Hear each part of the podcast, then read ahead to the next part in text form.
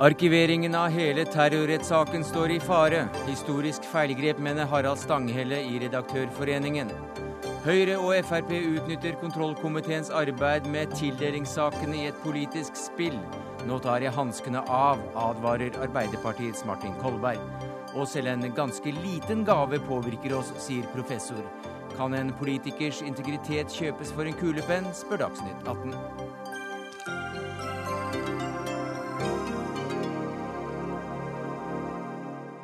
Ja, Det er noen av sakene i eh, Dagsnytt 18 eh, denne tirsdagen, hvor vi også skal høre at det er bortkastet å sitte i et råd som skal gi myndighetene råd om å få folk i form. Ja, det mener professor Jorunn Syngot Borgen.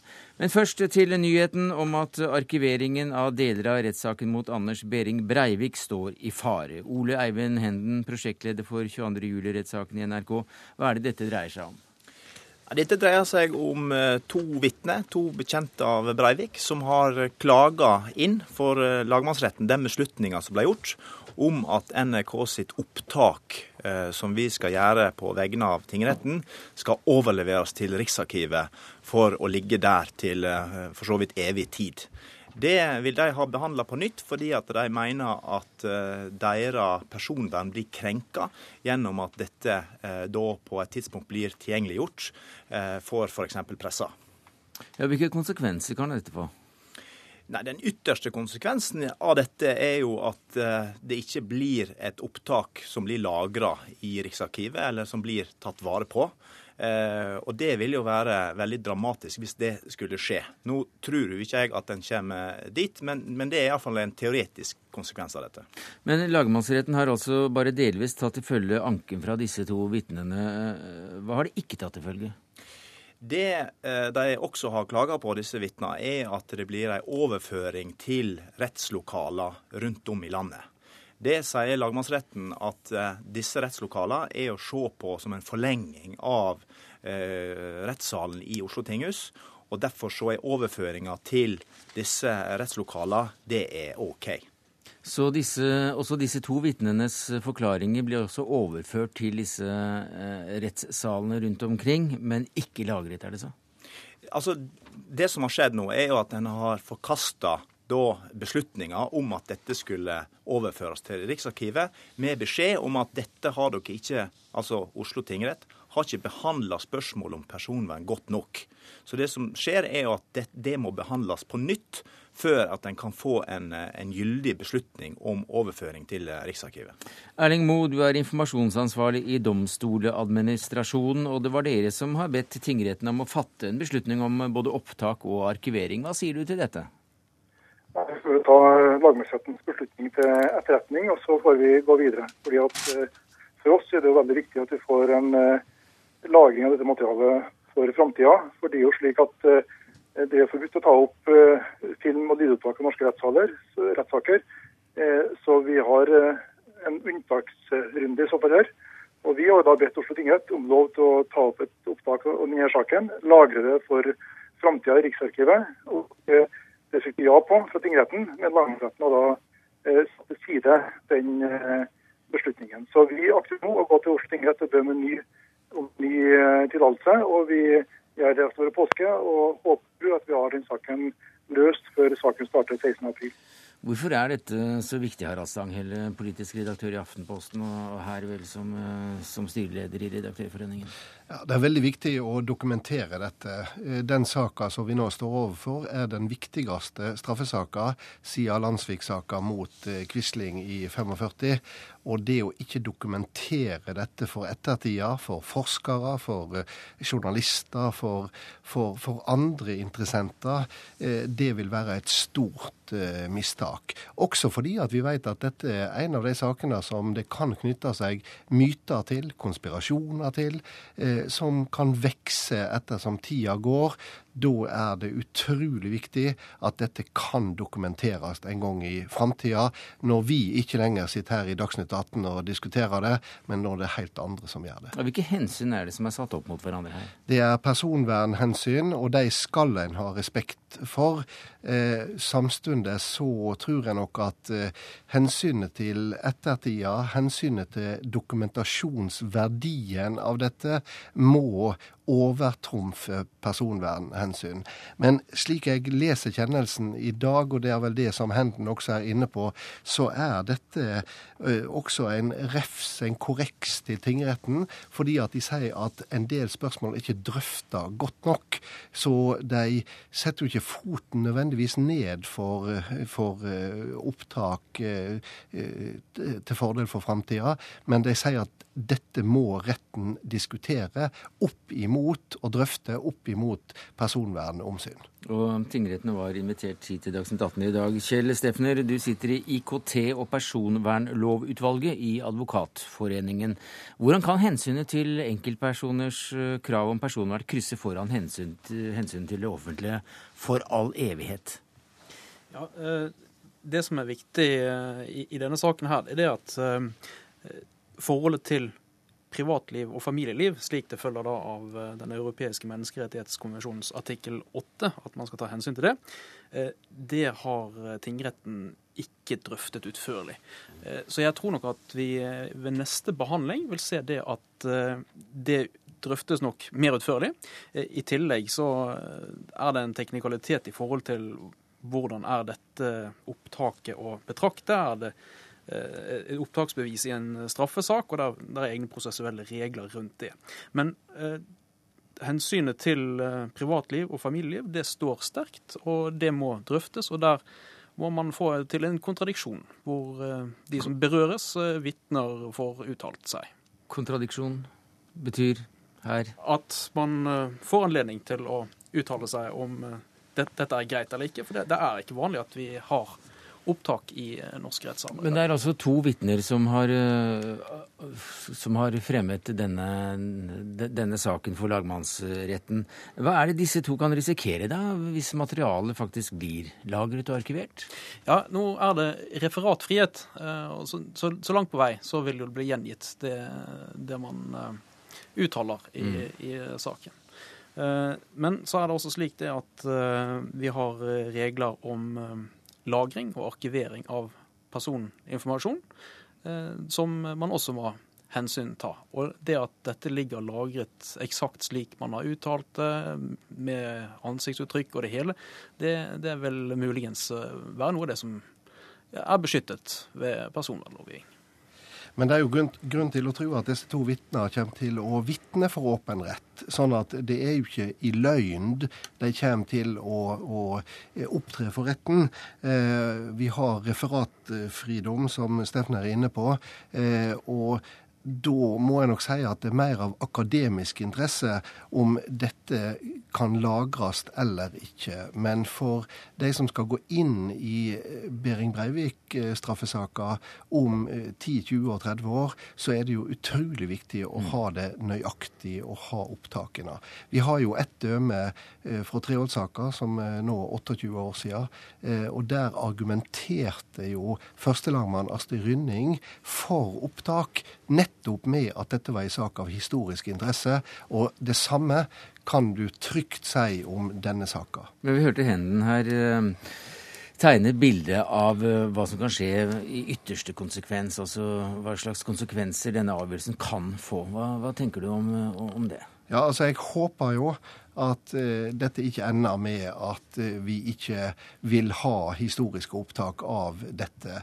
Men i den ytterste konsekvensen så kan det bli resultatet. Uh, hvis ikke nå rettsapparatet virkelig skunder seg og bruker mindre tid enn de har for vane for å avklare denne saka. Ja, for Hva kan skje nå? Altså, Hvordan arbeider man videre med dette nå? Du er vel den rette til å svare på det, Erling Moe?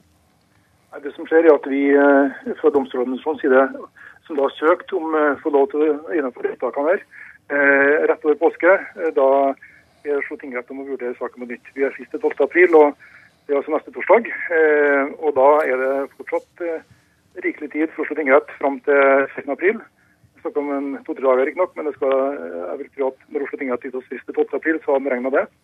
Til å behandle dette og gi en ny beslutning med Stanghelle at jeg tror at eh, det er godt nok dokumentasjon for, eh, som da vi har å legge fram, som skulle tilsi at eh, vi får medhold i tingretten nok en gang. og Så får vi eventuelt se om det i så fall blir en anke på nytt. Men Jeg regner med at saken løser seg, fordi at det er, Norge er et av de få land som da ikke har lyd- og bildeopptak fra straffesaker. og Vi kan ikke komme i en situasjon, mener vi da, at vi står her uten et opptak denne saken. Jeg vil også presisere det at vi legger opp til en klausulering med Riksarkivet på 60 år. Det betyr at i løpet av de kommende 60 år så vil ingen kunne se de opptakene uten søknad eh, behandla av Riksarkivet på vanlig måte. Så det blir en ganske sterk båndlegging også, dette, dette materialet. Men jeg, men jeg, tror det må at uh, du også må regne med at dette blir anka videre. Og da har en ikke så god tid som du går uh, ut ifra, fordi at da skal det først avgjøres til tingretten, få en kjennelse der. Så blir det anka videre av disse to til lagmannsretten, som skal si sitt. Og rettens kvern maler ofte langsommere enn det en, en, en tror. Kan det tenkes at man kan utsette hele saken her? Nei, det tror jeg er helt utenkelig. Eh, å utsette saka som skal begynne 16.4, eh, vil jeg mm. Eh, finne for, for usannsynlig. Men det som i verste fall kan skje, men nå snakker jeg i verste fall, og jeg håper jo ikke at det, det vil skje, det er jo at en ikke får opptak av noe av det første som skal skje mm. i saka, nemlig Behring Breiviks forklaring, som er noe av det historisk viktige, og mye mer viktig enn eh, enkelte vitneforklaringer. Takk skal du ha, Harald Stanghelle, politisk redaktør i Aftenposten og styreleder i Redaktørforeningen. Ole Eivind Henden, prosjektleder for 22. juli-rettssaken her i NRK. Eh, Kjell Steffner, medlem av IKT- og personvernutvalget i Advokatforeningen. Og til deg, Erling Moe, informasjonsansvarlig i eh, Domstoladministrasjonen. Hør Dagsnytt 18 når du vil, på nettradio eller som podkast. nrk.no – dagsnytt 18. Ja, som vi hørte i morges, så er vi visst i ganske dårlig form. Og særlig er det ille med neste generasjon. Og det var vel eh, derfor Nasjonalrådet for fysisk aktivitet mener det må være et nasjonalt eh, krafttak å få folk til å bevege seg mer. Nestleder Jorunn Sundgodt Borgen, du er også professor ved Norges idrettshøgskole. Ja, vi mener at nå må det en eh, skikkelig handlingsplan til, slik at eh, vi får det norske folk i aktivitet. For slik som situasjonen er i dag, så er det dramatisk. Det er bare 20% av de voksne som beveger seg tilstrekkelig og følger anbefalingene. Det betyr en halvtime om dagen. Og så er det 50% av 15-åringene våre som er aktive nok. Og det får sine konsekvenser på sikt. Og 15-åringene våre de sitter jo like mye som de gamle på aldershjem. Så her har vi en stor trussel når det gjelder folkehelsa. 90% av oss er så overvektige at det kvalifiserer for slankeoperasjoner, og selv pensjonister er også sprekere enn 15-åringer. Ikke 90% av oss som er så fete? 90 000, kanskje. Oh, ja. men eh, de rådene dere kommer med, de er ganske klare. Men du sier at de blir ikke fulgt. Nei, altså Politikerne har eh, sviktet. Eh, de har eh, nå i den perioden hvor vi har sittet, prioritert feil. De har prioritert det å reparere istedenfor forebygging. Og man skjønner jo det, fordi at forebyggende arbeid det tar tid og syns ikke på neste meningsmåling. Og da er det greiere å reparere fordi det syns på neste meningsmåling. Men her har vi en kjempeutfordring, for hvis politikerne ikke tar action nå og snur fra å ha fokus på det å reparere til forebyggende arbeid, så skjønner ikke jeg hvordan vi skal kunne ha bærekraftig ungdom fremover. Hva sier du til det, Tord Dale? Du er politisk rådgiver i Helse- og omsorgsdepartementet og tar debatten her mens sjefene dine er på påskeferie. Hører du ikke etter disse rådene som kommer? Jo, altså for det første så jeg tror jeg vi skal slå fast at vi er helt enige om utfordringsbildet. Og denne regjeringen har vært veldig tydelig på at vi må ha mer fysisk aktivitet. At den utviklingen vi ser nå i overvekt blant mm. bl.a. ungdom, stillesitting, eh, mer tid foran PC og TV-skjerm er alvorlig. Mm. Men da er jo alt i orden, da. Et øyeblikk. Ja, ja, men, men dette her har vi hørt i alle år. Dette altså, vi er spennende. Det er veldig viktig. Men ingen tar ansvar. Ingen action. Og vi kan ikke bare sitte og høre på at vi har sett dette, vi har satt opp i planene våre, vi må vite Men hvis, at noe skjer. Hvis, hvis eh, programlederen eh, lar oss bli ferdig med virkelighetsbeskrivelsen, så kan vi snakke litt om politikken òg. Ja, vi, er, er enige om virkelighetsbeskrivelsen. Ja, ja, jeg, jeg, jeg, jeg, spurte jo hva du gjør med disse rådene. Jo, jo, jo, men da må, må jeg først få lov til å slå fast at vi ikke er uenige i dag. Eh, og så skal jeg fortelle at, Altså, det er ikke bare jo, nei, vent, Det er forskning som viser at slik er det, dessverre. Ja. Mm. Vær så god. Politikeren får lov til å snakke ferdig. Ja. Og Da er det jo også sånn at eh, når vi har lansert Samhandlingsreformen, så jeg, altså jeg er helt uenig i det å si at vi ikke har gjort noe. Hele Samhandlingsreformen handler jo nettopp om å vri innsatsen fra behandling til et større fokus på forebygging. Men kan du da første, si hva som konkret 2000, står i den planen om fysisk aktivitet? Først i første 2012 så la vi fram en egen eh, lov om folkehelse, der vi i større grad forplikta kommunene til å legge vekt på, på folkehelsearbeid, forebyggende arbeid. Det har aldri vært brukt så masse penger på gang- og sykkelstier som nå.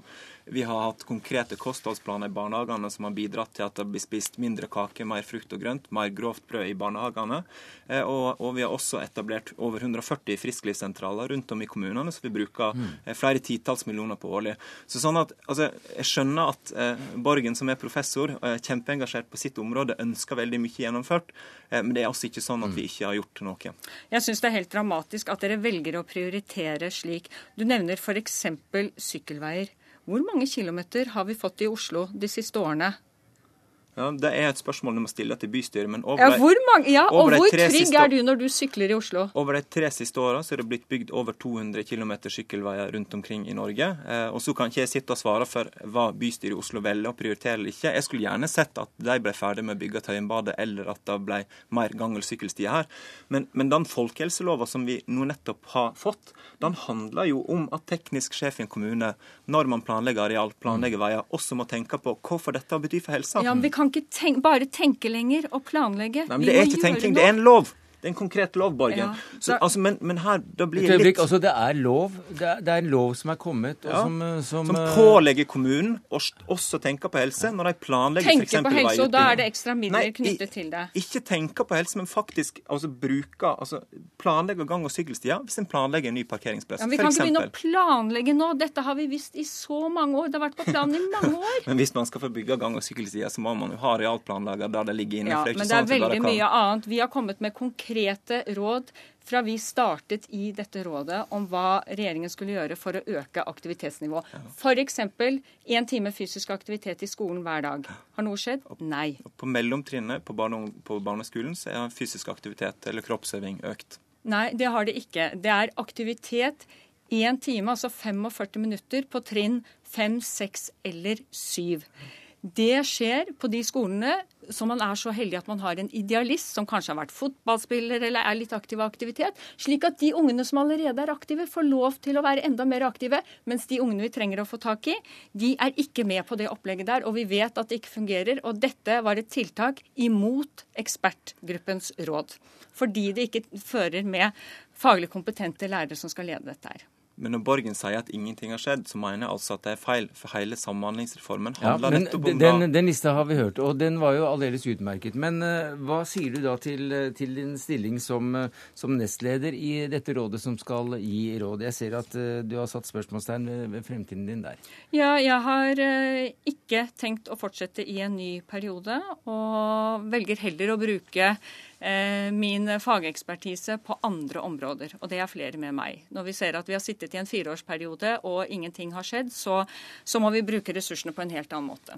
Men uh, dere ønsker også en tiltaksplan. Hva slags plan skulle det være? Det må være en plan som sier hva som skal skje når, og selvfølgelig må det følge midler til. Slik at f.eks. tiltak nummer én, å få én time med kroppsøvning eh, hver dag for ungene på skolen, det vet vi er et av de aller mest virkningsfulle tiltakene vi, vi kan ha. fordi da får vi tak i alle ungene våre. Så det er tiltak nummer én. Og så er det fysisk aktivitet inn i helsetjenesten. Slik at vi kan bruke fysisk aktivitet også i behandlingsøyemed, slik at pasientene i så stor grad som de gjør nå, ikke trenger å bli reinnlagt. Og så er det selvfølgelig planer i forhold til å legge til rette for aktivitet i, i nærmiljøet. Og dette hører ikke dere på? Jo, det har vi jo hørt på. Eh, og jeg, tror ikke Sundgodt Borgen kan ha lest eh, Samhandlingsreformen eller folkehelselova, fordi hele den handler jo om nettopp dette. og Det er jo grunnen til at det nå i 140 kommuner er etablert mm. frisklivssentraler som nettopp skal ta tak i sammenhengen mellom sykdom og fysisk aktivitet. Sånn at eh, Det har jo skjedd veldig masse. Og, og så er vi helt enige i at vi selvfølgelig er nødt til å gjøre mye mer når vi ser utviklingen, men da sier jeg at ingenting har skjedd. Det mener jeg er direkte feil. Da har dere sittet lenge nok her. På tide å jogge ut av studio. Takk skal du ha, Tord Dale, politisk rådgiver i Helse- og omsorgsdepartementet, Jorunn Sundgodt Borgen, professor i Norges idrettshøgskole og nestleder i Det nasjonale rådet for fysisk aktivitet enn så lenge. Dagsnytt 18 alle hverdager klokka 18.03 på NRK P2.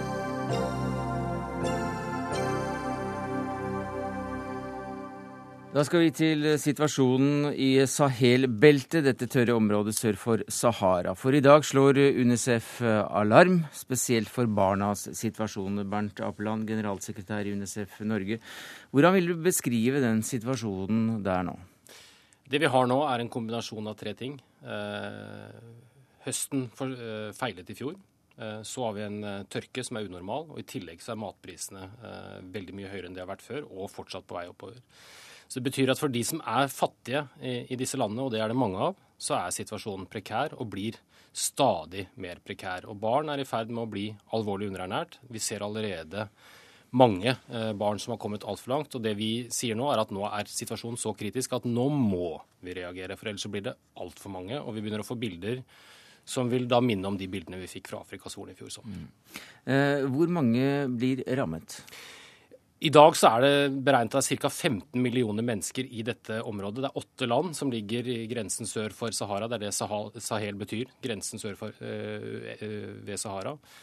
15 millioner mennesker er rammet. 1 million barn står i fare for å bli alvorlig underernært. Kanskje så mange som 1,5 millioner barn. Og da snakker vi barn under fem år.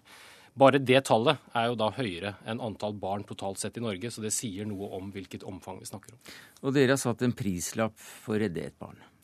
Ja, det kan jo høres veldig eh, dramatisk ut, men det er altså samtidig forbrukeropplysning rett og slett til det norske folk og til den norske regjering. Det koster oss 570 kroner å redde ett barn som er alvorlig underernært. Da får du behandling med klinisk mat i to måneder, og du får rent vann, og du får de vaksiner som skal til.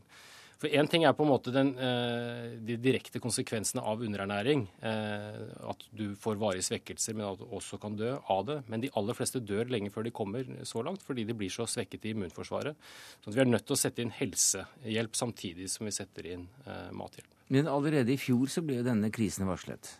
Ja, og det er jo det som er utfordringen. Verden har blitt flink til å varsle katastrofer. Men verden har ikke blitt flink til å respondere på varslede katastrofer. Vi reagerer ikke, verken vi som enkeltmennesker eller regjeringer, før vi ser bilder av barn som er i ferd med å dø av sult.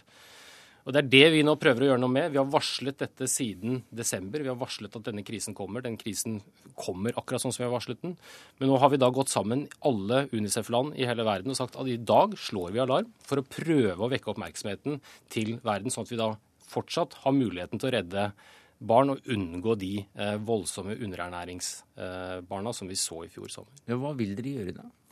Ja, Vi vil rett og slett gi medisinsk mat til de barna som trenger eh, mat nå. Vil, ren nødhjelp? Ren nødhjelp, men vi må jo samtidig eh, gjøre eh, strukturelle grep. Disse landene er blant de fattigste landene i verden. De ligger på, det er åtte land, de ligger på 150. til 186. plass på, F på Human Development Index. Mali, Niger, Burkina Faso Tsjad, Kamerun, Senegal, Mauritania. Eh, det er klart at dette kommer igjen. Vi har sett det de siste 50 årene at disse tørkeperiodene kommer én gang omtrent hvert tiende år. Det siste tiåret har det kommet tre ganger. Det betyr at vi er nødt til å gjøre noen strukturelle grep. Vi kan ikke eh, fortsette med å gi nødhjelp, nødhjelp, nødhjelp.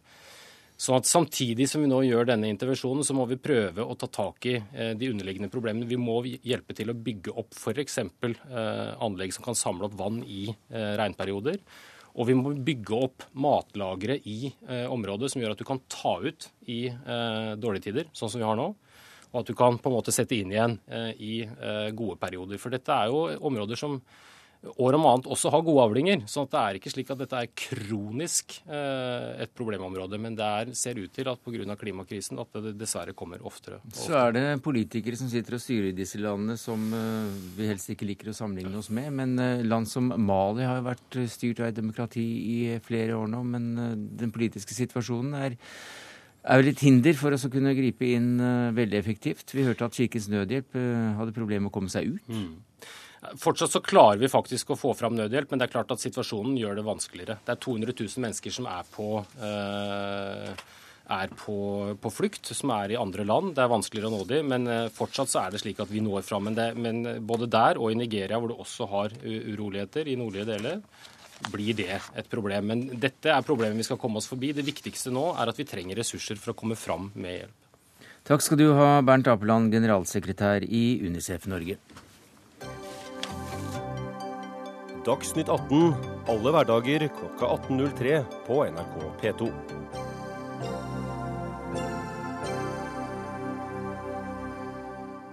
Så til eh, Stortingets håndtering av tildelingssakene. Som noen vil ha fått med seg, så er det altså flere enn Lysbakken som får kritikk for å ha vært uryddige når det gjelder f.eks. egen habilitet. Men inntil nylig har iallfall samarbeidet i kontroll- og konstitusjonskomiteen mellom opposisjonen og de rød-grønne virket noenlunde knirkefritt. Men Martin Kolberg, du er komitémedlem for Arbeiderpartiet. Og i dagens Aftenposten sier du at det er slutt på konsensusen, og at nå er hanskene av. Og det er vel silkehanskene du mener. Hvorfor er de tatt av nå? Ja, Overskriften er Aftenpostens, men jeg mener det som jeg for øvrig sier i dette intervjuet. Og mitt anliggende er dette. Det er en veldig alvorlig sak når kontrollkomiteen i Stortinget går inn i forskjellige typer saker. Og det har vært konsensus, som du sier, rundt at det var nødvendig å gå inn i de sakene som er nevnt her.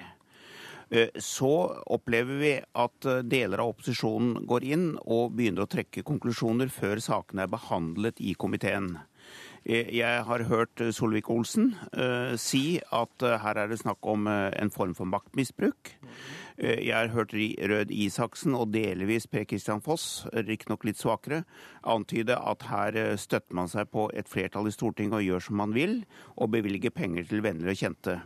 Den type politisk retorikk og den type forsøk på å spille på disse sakene før komiteen har gått inn i det, slik som komiteens leder også ønsker, det er det jeg setter fingeren på. Og det som er det alvorlige med det, det er at det svekker kontrollinstituttets autoritet når saken når, før eller siden skal altså legges fram for Stortinget. Hva sier du til det, Ketil Solvik-Olsen, finanspolitisk talsmann i Frp?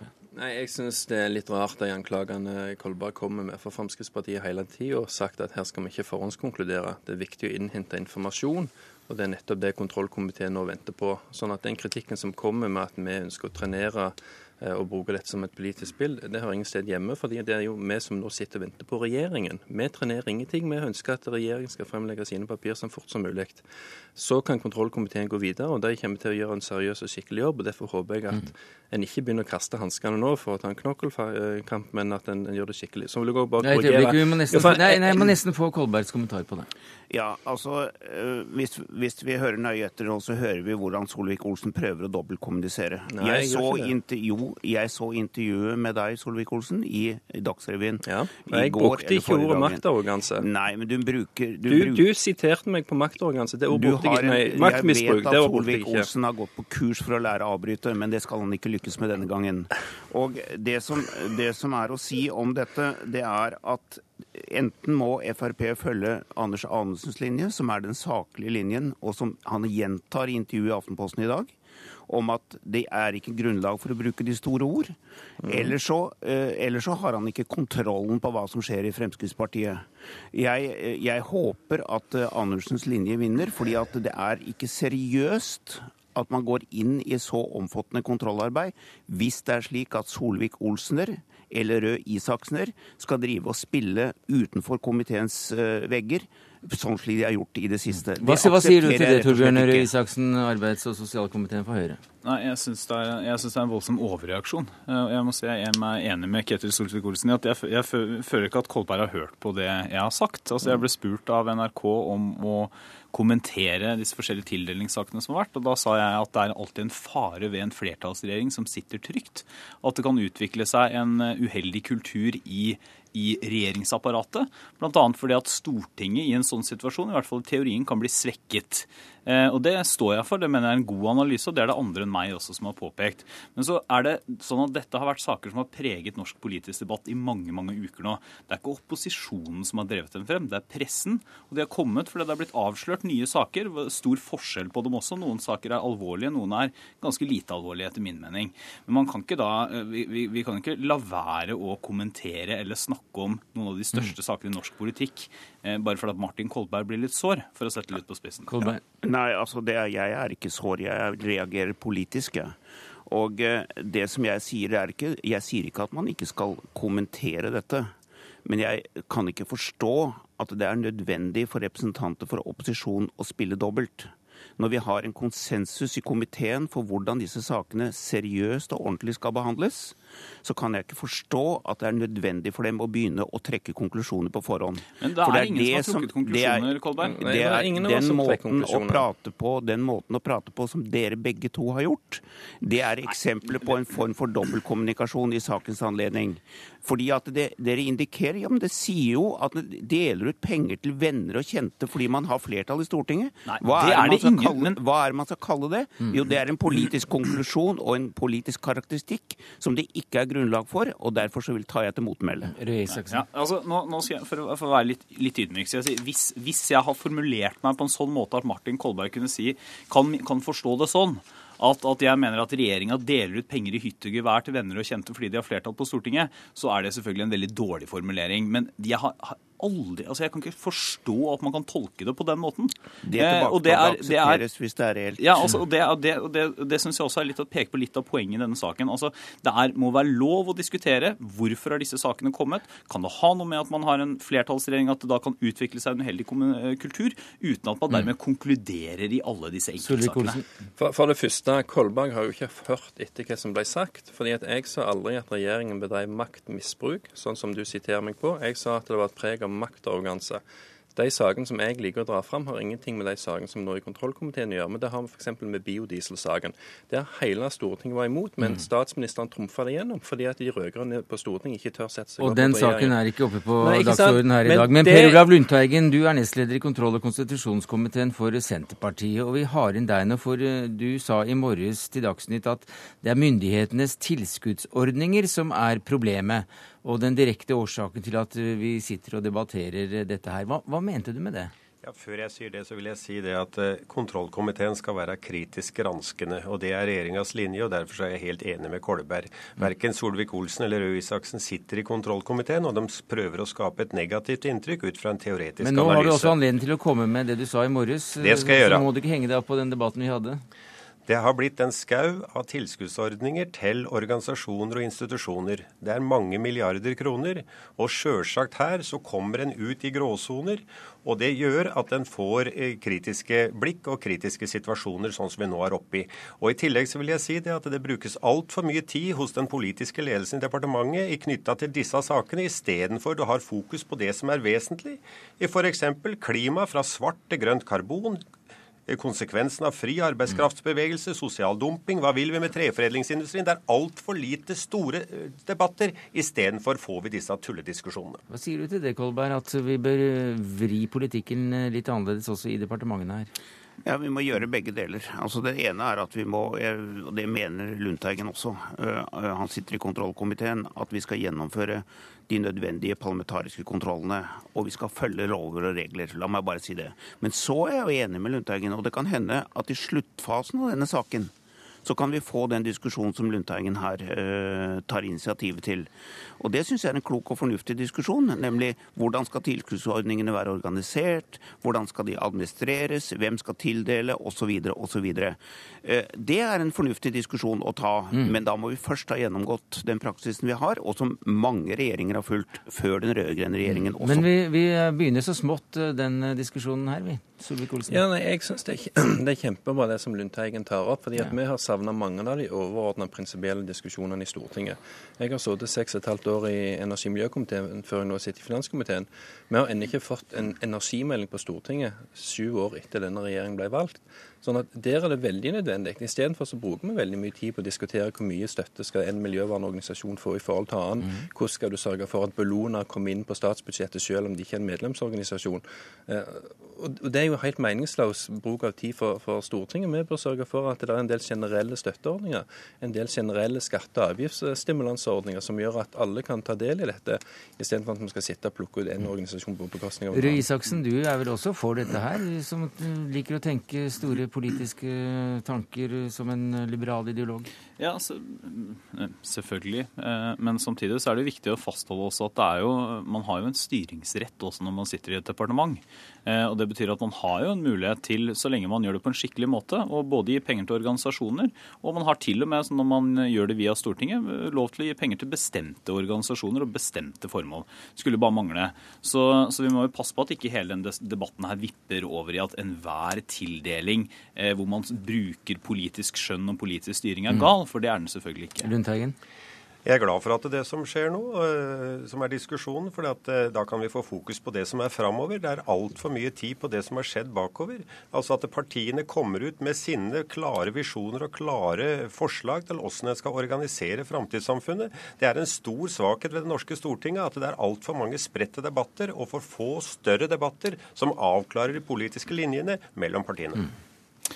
Jo, eh, jo det, det, tror jeg alle vil være enig i. Så Utfordringa da er å få oss alle må vi si da, til å legge vekk våre kjeleprosjekter.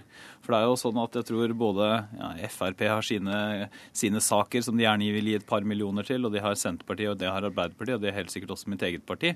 Så det er lettere sagt enn gjort.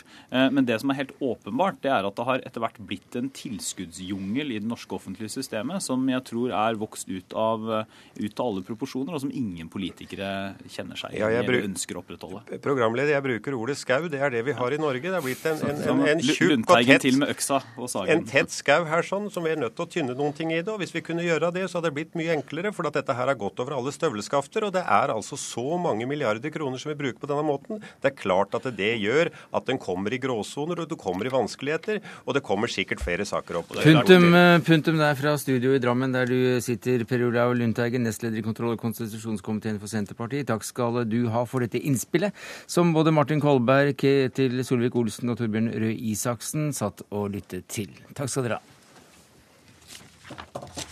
Det er eh, en eh, forlengelse av eh, denne saken vi nå skal inn på, fordi det er dette med noe som har kastet et uh, formørkelsens skygge over en ellers lys og hyggelig dag på jobben for en rød-grønn statsråd eller to. For uh, får du et smykke eller et teppe eller fem, så kan vel noen oppleve en viss takknemlighet. Pussigere er det at også små gaver, nærmest verdiløse, også påvirker mottakeren, skal vi da tro uh, nyere forskning. Professor ved, ved Universitetet i Oslo, Magne Jørgensen. Så hvor går da den grensen for hva vi ikke ikke påvirkes av med hensyn til gaver? Ja, Det er ikke helt lett å si hvor grensen går. Den, eh, det er studier som viser at selv nøkkelringer og brus og kaffe har stor innvirkning på hvordan vi oppfatter produkter og tjenester, f.eks. Ja, 1000 kilo kaffe? Nei, det er snakk om én kopp kaffe og én nøkkelring, som også da har relativt stor innvirkning på hva vi mener om produkter og det som er veldig spennende med det, jo, eller skummelt med det, er jo at vi merker jo ikke at vi blir påvirket av det. Og det er jo typisk å høre politikere og andre som sier at riktignok så fikk jeg en bedre middag, men jeg lot meg ikke påvirke. Og da er jo oppfølgingsspørsmål hvordan vet du det? Fordi at det meste av det vi når vi bestemmer noe, det er inne på eh, en del forskning rundt ekspertvurderinger. Det meste av ekspertvurderinger skjer uten at vi har kontroll over hvordan vi gjør det. Jo, men øh, I forlengelsen av det du sier, og, og som du da uh, også formulerte i Dagsnytt i morges, så vil altså det også bli spandert en kopp kaffe på på et frokostmøte med en, med en aktør være med på å forme ditt syn på denne aktøren som vil ha noe av deg? Altså Jeg tror veldig på at man må også være praktisk rundt dette. Jeg er ikke noen ekstremist på at man skal forby alt. Men eh, at det også kan være kandidat for å påvirke, det er det liten tvil om. Så egentlig så bør du ta med deg eh, kaffen sjøl? Termos på møtet? Nei, jeg tror ikke det er lurt. Altså Det er jo andre hensyn som også teller, bl.a. de praktiske. Og politikere bør jo møte mennesker, bl.a. Og da er det naturlig å ha en kopp kaffe og et enkelt måltid. Men eh, og et, så et sted må jo den praktiske grensen mm. gå. Og det kan godt gå der. Men hva slags forskning er det du har bedrevet som viser dette? Det er jo hovedsakelig ikke min egen forskning rundt det med gaver. men Jeg er mer innenfor generelle ekspertvurderinger. Men det er masse forskning på, på medisin, hvordan da leger lar seg påvirke av selv mindre gaver. Det er forskning innenfor produkter produkter, altså at man som forbruker lar seg påvirke til å kjøpe ting. Det er et eh, spennende eksperiment rundt medarbeiderfornøydhet, hvor halvparten fikk litt brus og kake før de skulle fylle ut et eh, skjema, og de var mye mer eh, fornøyd med, med, jobben sin. Og spør du de etterkant, så vil de selvfølgelig ikke si at det var det som gjorde at de var mer eh, fornøyde. Så ordet habilitet kom jo et litt pussig i en pussesetting her, for uh, hvis du ikke kan ta imot en kulepenn, så, så, blir det jo litt rart. Altså Det er jo for det første åpenbart at de som gir kulepenner, de, er, de gjør det med et uh, formål. Og det er å påvirke. Altså nå, Men det er nå, veldig få som sier at uh, den kan jeg ikke ta imot fordi at det vil styre ja. min habilitet. Ja, og det er fordi man ikke merker at man lar seg påvirke av små gaver. Men eksperimenter viser at man da også blir påvirket av de små gavene. Hva sier du til det, Helge Kvamme? Du er eh, korrupsjonsjeger i Price Waterhouse Coopers. Ja, det, er jo en interessant diskusjon. Det, vi har jo sett fra granskingssaker at det skal ikke så mye til, f.eks. i offentlig forvaltning, at, at gaver, f.eks. et konkret eksempel, en bedre middag, kan, faktisk kan påvirke et resultat. Men, men, men jeg vil si at det viktigste kanskje er jo at vi har hatt veldig mye oppmerksomhet på og da tenker jeg mer i retning korrupsjon, på korrupsjonens nedre grenser. Vi har hatt en rekke saker også i forhold til gaver. Og, og, Faktum er jo at vi har fått en lovgivning med oppfølgende regelverk som gjør at det er faktisk ikke så, så mye som skal til lenger for at det faktisk kan bli korrupsjon. Og Vi har jo eh, sett eksempler også fra retten som setter grensen veldig lavt. Så, så egentlig så er vi jo nesten der hvor, hvor, hvor dere var i sted, at, at det er kaffekoppen som er lov. Jeg tror, at, eh, jeg tror ikke vi trenger egentlig noen mer diskusjon på, på den nedre grensen. Den, den, er nesten satt. Eh, jeg tror det kan ta vekk litt oppmerksomheten rundt det som er den alvorlige korrupsjonen, og det som virkelig har, har, har, eh, har får mer alvorlige konsekvenser. Ja, Det kan jo være en fare ved å konsentrere seg om kulepenner og kopper med, med kaffe. At vi mister fokuset, eller mister eh, vi mister eh, de virkelig alvorlige og, store utfordringene av syne, nemlig de alvorlige korrupsjonssakene. Eller hva sier du til det, Jørgensen? Jo, jeg er helt enig. Det er de store sakene der det er en, nærmest en avtale om gjenytelse som er de viktigste vanligvis. Men jeg syns det er litt viktig å ha en fokus også på de gaver som da en får, som er bedre middager med oljeselskaper osv som er helt åpenbart ment å, å skape et miljø, en uh, påvirkning. Og når man da i etterkant uh, sier at man ikke lar seg påvirke, så er det også en sak som har vært litt oppmerksomhet. Gratis lunsj eksisterer ikke, Helge Kvamme? Nei, altså, Jeg er enig i at det skal ikke så veldig mye til. Men, men vi har hatt veldig mye oppmerksomhet på, på den nedre grensen. Og vi, og vi, ser at det skal jo også fortsatt være mulig å å, å ha omgang med, med kolleger og, og, og forretningsforbindelser. Og man må kunne til viss grad fortsatt ha en form for representasjon, selv om faktisk mye av det som tidligere var vanlig representasjon i form av eh, middager, reiser osv., nå, nå har blitt eh, ulovlig korrupsjon. Så, så jeg synes jo at vi, vi, har et veldig tydelig regelverk eh, rundt den nedre grensen. Så, så ja, hva er, hva er, regelverket da? Hva er det du kan ta imot? En kopp kaffe, det er greit. Hva med et teppe eller fem? Altså, jeg får jo ofte spørsmål om dette fra, fra, fra ledere som, som skal representere. Og, og eh, du kan nesten ta vekk det meste, altså både reiser og, og dyre middager. Man sitter, man sitter kanskje igjen med, med en, eh, en forretningslunsj som, som faktisk eh, Som man helt trygt kan si at den, den, den må være lov.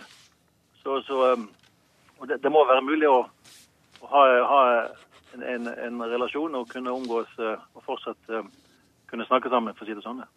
Takk skal du ha, Helge Kvamme, korrupsjonsjeger, leder for granskningen i Pricewaterhouse Coopers, og til deg, Magne Jørgensen, professor i informatikk ved Universitetet i Oslo.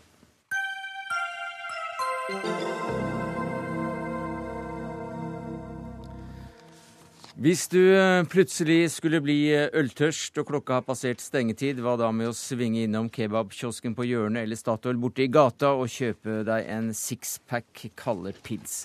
Ja, dette er forslaget ditt, eh, Peter N. Myhre. Du er stortingsrepresentant for Frp og leder av Alna Frp. Og hva får deg til å fremme det for FrPs programkomité til landsmøtet neste år? Dette er jo en gammel debatt, og disse temaene her har vært diskutert så lenge jeg kan huske.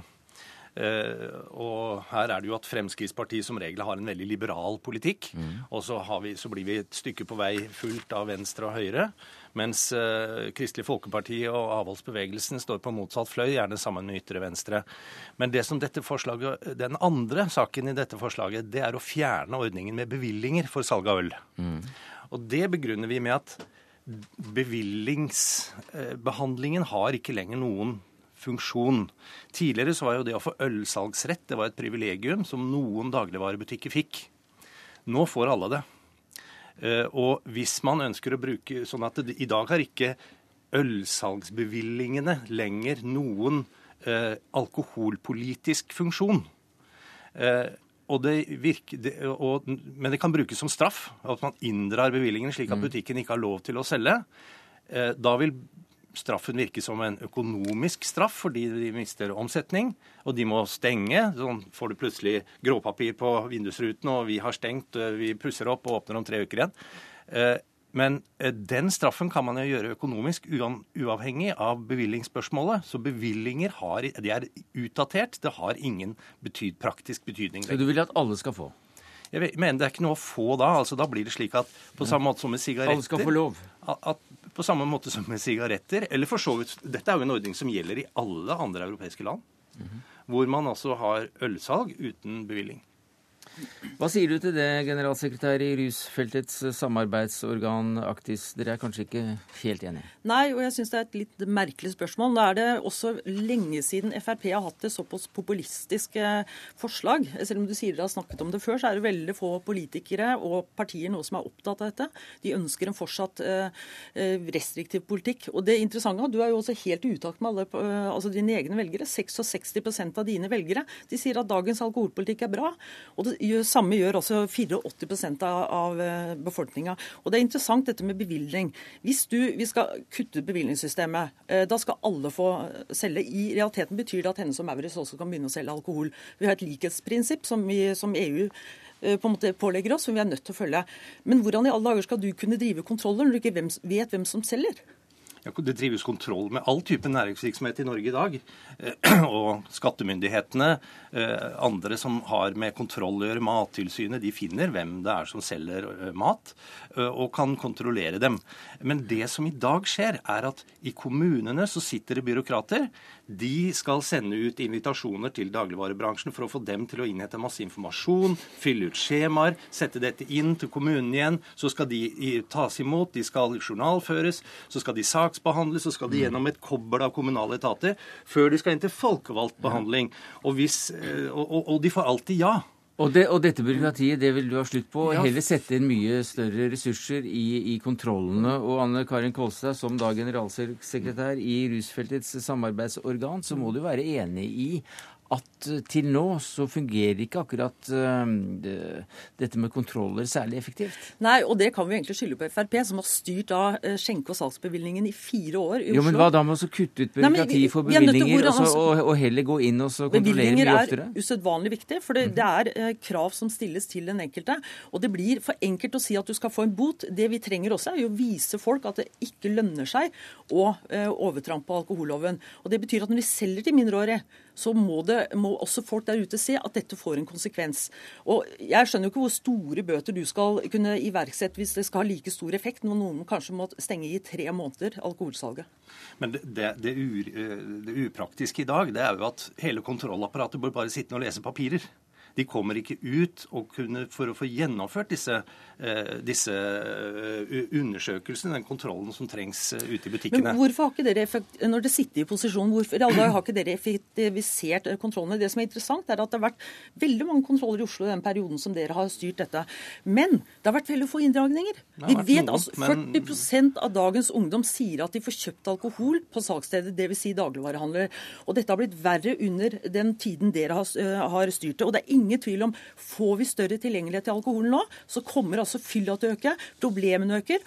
Og storforbrukeren kommer til å drikke veldig mye mer. Og Du må tenke folkehelse, ikke bare næringspolitikk. Jo, men hør nå. Altså, eh, hvis en ølsalgsbutikk i dag selger til en 17-åring ja, så skal altså eh, kommunen sette i gang et apparat for å inndra bevillingen. Det kan ta månedsvis. Ja, hvorfor? Fordi, fordi her kommer det et kobbel av advokater.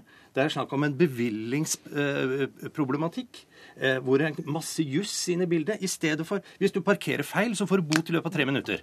Sånn vil vi ha når det gjelder øl også. La det være kommunale kontrollører ute og si hvis du selger øl til en 17-åring, så får du pang, en skikkelig bot på flyende flekken. Og så svir nok det minst like mye som disse endeløse prosessene som bare fører til at butikkene stenger i tre uker og har oppussing, og så er de eh, tilbake igjen du, med bevilling. Akkurat som altså, før. Jeg, jeg, jeg syns det er litt rart at du er så negativ Nei, altså, jeg, jeg tror dette vil effektivisere prosessen. Effektivisere næringen interesserer meg ikke. Det å ta vare på folk og eh, tilrettelegge for det hva folk flest ønsker, faktisk. Og ikke gjøre noe med den politikken som ligger der. Men du sier jo i, i forhold eh, altså, Jeg må jo også si at eh, når vi eh, i dag har et regime som dere har fulgt opp så dårlig, og ikke klart å rasjonalisere, da, så er, skjønner jeg ikke heller det du sier, at det kommer et kobbel av mm. advokater. For hver eneste sak som har vært ført i alle kommunene, har gått til fordel til kommunen fordi alkoholloven er så tydelig og så god. Så kommunene taper ikke. Og, mm. og, det er et viktig aspekt i dette. Takk skal du ha, Anne Karin Kolstad, generalsekretær i Aktist. Takk til deg, Peter N. Myhre, stortingsrepresentant for Frp og leder for Alna Frp.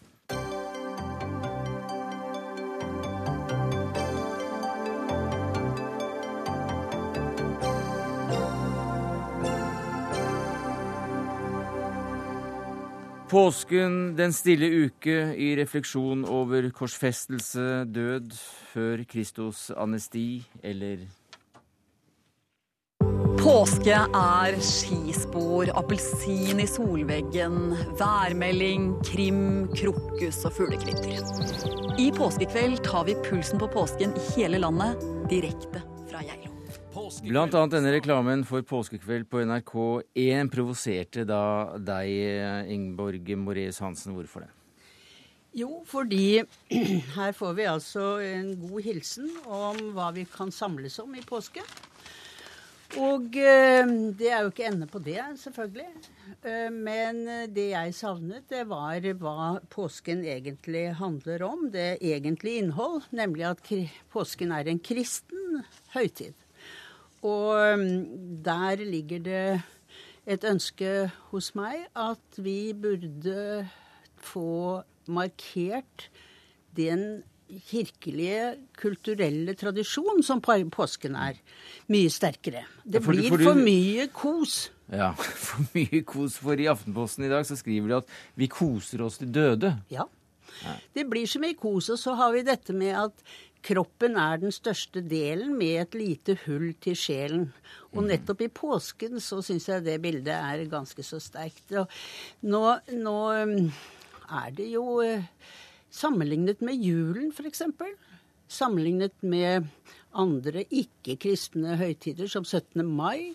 Altså I vår nasjon så tror jeg vi er litt sultefòret også på å sitte rundt leirbålet og kjenne varmen. Sitte på tribunen og ta bølgen om annet enn sporten og spillet og kosen.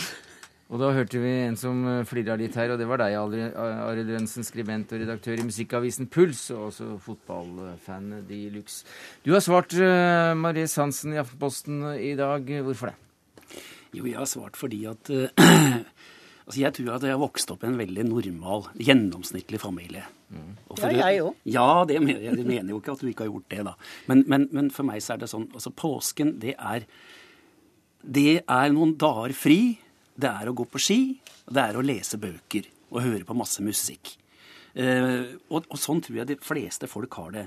Og det som jeg reagerer på, det er jo ikke det at Jeg skjønner jo godt at altså, påsken må jo være det viktigste i kristendommen.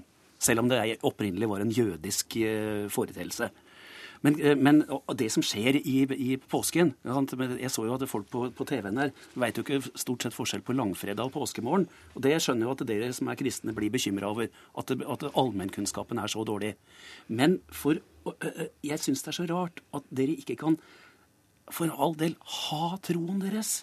Gå i kirken, nyt det dere mener med påsken, men ikke tving på oss alle andre. Akkurat det, At du skal ha det til å være en del av den offentlige delen i kongeriket, det skjønner ikke jeg. Ja, Det er det jo til så lenge. Vi har jo fortsatt en statskirke, vi har jo fortsatt en statsreligion. Og sammen med det har vi fått, og det er veldig bra, en økt toleranse for andre religioner. Det var på høy tid. Men til så lenge er vi nå det. Og så er det ikke bare Men dette hvem mener du med vi? Er ikke jeg en del av det store jo, vi i og jeg tror det at du også eh, har behov for, eller er interessert i, den sterke litterære tradisjon som baserer seg på påskeevangeliet, på musikken, på messene, på maleriet, som vi ikke kan Vi kan ikke kjenne til europeisk eh, malerkunst og billedkunst uten å kjenne til påsken. Men når det er sagt, så, så kan vi alle gå til oss selv, og vi kan gå ut i skogen, og vi kan være, som jeg sier, privatpraktiserende kristne. Det skulle nå bare mangle at vi ikke kan det. Men som kulturnasjon, som tradisjon, så syns jeg vi skulle markere den delen, fordi jeg tror det ville gjøre oss mm. mer som Men, men norske. Men Moreus Hansen, det er jo sånn i dag at ungdommen i Oslo det er mye, f- sto, mye større deler av ungdommen i Oslo som forbinder påsken med death metal. Ja, Så den, den Inferno-festivalen er i ferd med å bli et, et virkelig et sånn bål for påsken Ja, men i, i, i Oslo. Og det er et mye større Mange flere er opptatt av den enn å, å gå i kirka. Og det er det, det som jeg ikke skjønner helt, det at dere som er troende Jeg sier jo at dere driver med overtro. Men, men, men OK, la nå det ligge. Men at dere skal ha så veldig mye større respekt for det som dere tror på, enn hva alle andre driver med, Nå- nå- det er det jeg ikke skjønner. Nå har jeg respekt for både samlinger, som jeg har nevnt før, Vålerenga, og jeg har respekt for andre samlinger, og det har vi godt av, og det trenger vi. Men Respekt også- for Lillestrøm og Skeiv. Nei, det har jeg ikke. Det er. Der er vi enige. men, men altså, tenk på hva hadde julen vært uten den delen av det som har med gudstjenesten og kirken å gjøre. Og jeg er så forundret over at vi liksom har glemt påskesalmene. Hvorfor synger ikke Ole Paus påskesalmene? Ja, Men kjære Moreus Hansen, jeg vil jo at du skal få høre det. Men gå i kirken din og hør det. Ikke, ikke, ikke men at alle vi andre er nødt til å høre på akkurat det budskapet hele tida. Arne Helsinge, du er eh, TV-sjef i NRK, og du er jo da en del av utgangspunktet for at vi sitter og snakker om dette her. Har dere glemt eh, hva påsken egentlig handler om? Nei, Jeg tror på en måte at jeg kan eh, berolige begge parter her med for det første Ingeborg Moreus Hansen om at vi har stort påsketilbud også knyttet rundt eh, påskens eh, budskap. Og vi har eh, Hun kan også få den, eh, den store musikalske opplevelsen på langfredag med Stabat Mater eh, på NRK1. Vi har gudstjenester i radio og TV. Og vi, vi berører budskapet på, på mange forskjellige måter. Og i forhold til Arild Jensen, så kan jeg si at du etterlyste jo eh, f.eks. å følge andre eh, trosretningers eh, seremonier. Og vi har jo hatt to sendinger fra Id feiring, f.eks. Så vi forsøker å være litt for eh, alle her. Vi tar vare på påskens budskap, men vi er også ute etter å at både familie og, og nettopp denne fritidsfriperioden kan gi et godt tilbud. Kan jeg få lov å stille bare et bitte lite ja, kort spørsmål? Ja, det er veldig veldig, kort. Fordi at jeg, jeg har jo også foreslått det at man kunne ha en kanal som heter NRK Alltid religion. Hvor all overtro samles på én kanal. Sånn som man har Alltid jazz og Alltid nyheter, som nesten jeg bestandig eh, hører på. Har dere tenkt på det noen gang? Da, da vil jeg ha en NRK Alltid Sport, sånn at jeg slipper å bli avbrutt i, i Dagsnytt 18 med sportstrav og, og ishockey og sånt. Sånn at da har vi to kanaler til her i NRK. Men det, men, men det er i hvert fall en, en annen skål om vi skal ha en Alltid sportskanal her i, eh, i eteren. Men eh, helt kort til slutt, Ingeborg Mories Hansen. Hva gleder du deg mest til i påsken på NRK? Ja, nå har jeg jo allerede fått noen gode tips, selvfølgelig. Og i dag hadde jeg også et flott innslag om eh, Bach. Så det er noe hele tiden. Takk skal du ha, Ingeborg Moraes Hansen. Eh, Takk til Arild Rønsen og Arne Helsinge. Det var det vi rakk i Dagsnytt 18 denne tirsdagen, takket være Karoline Rugeldal, Karl Johan Rimstad Sverre Tom Radøy.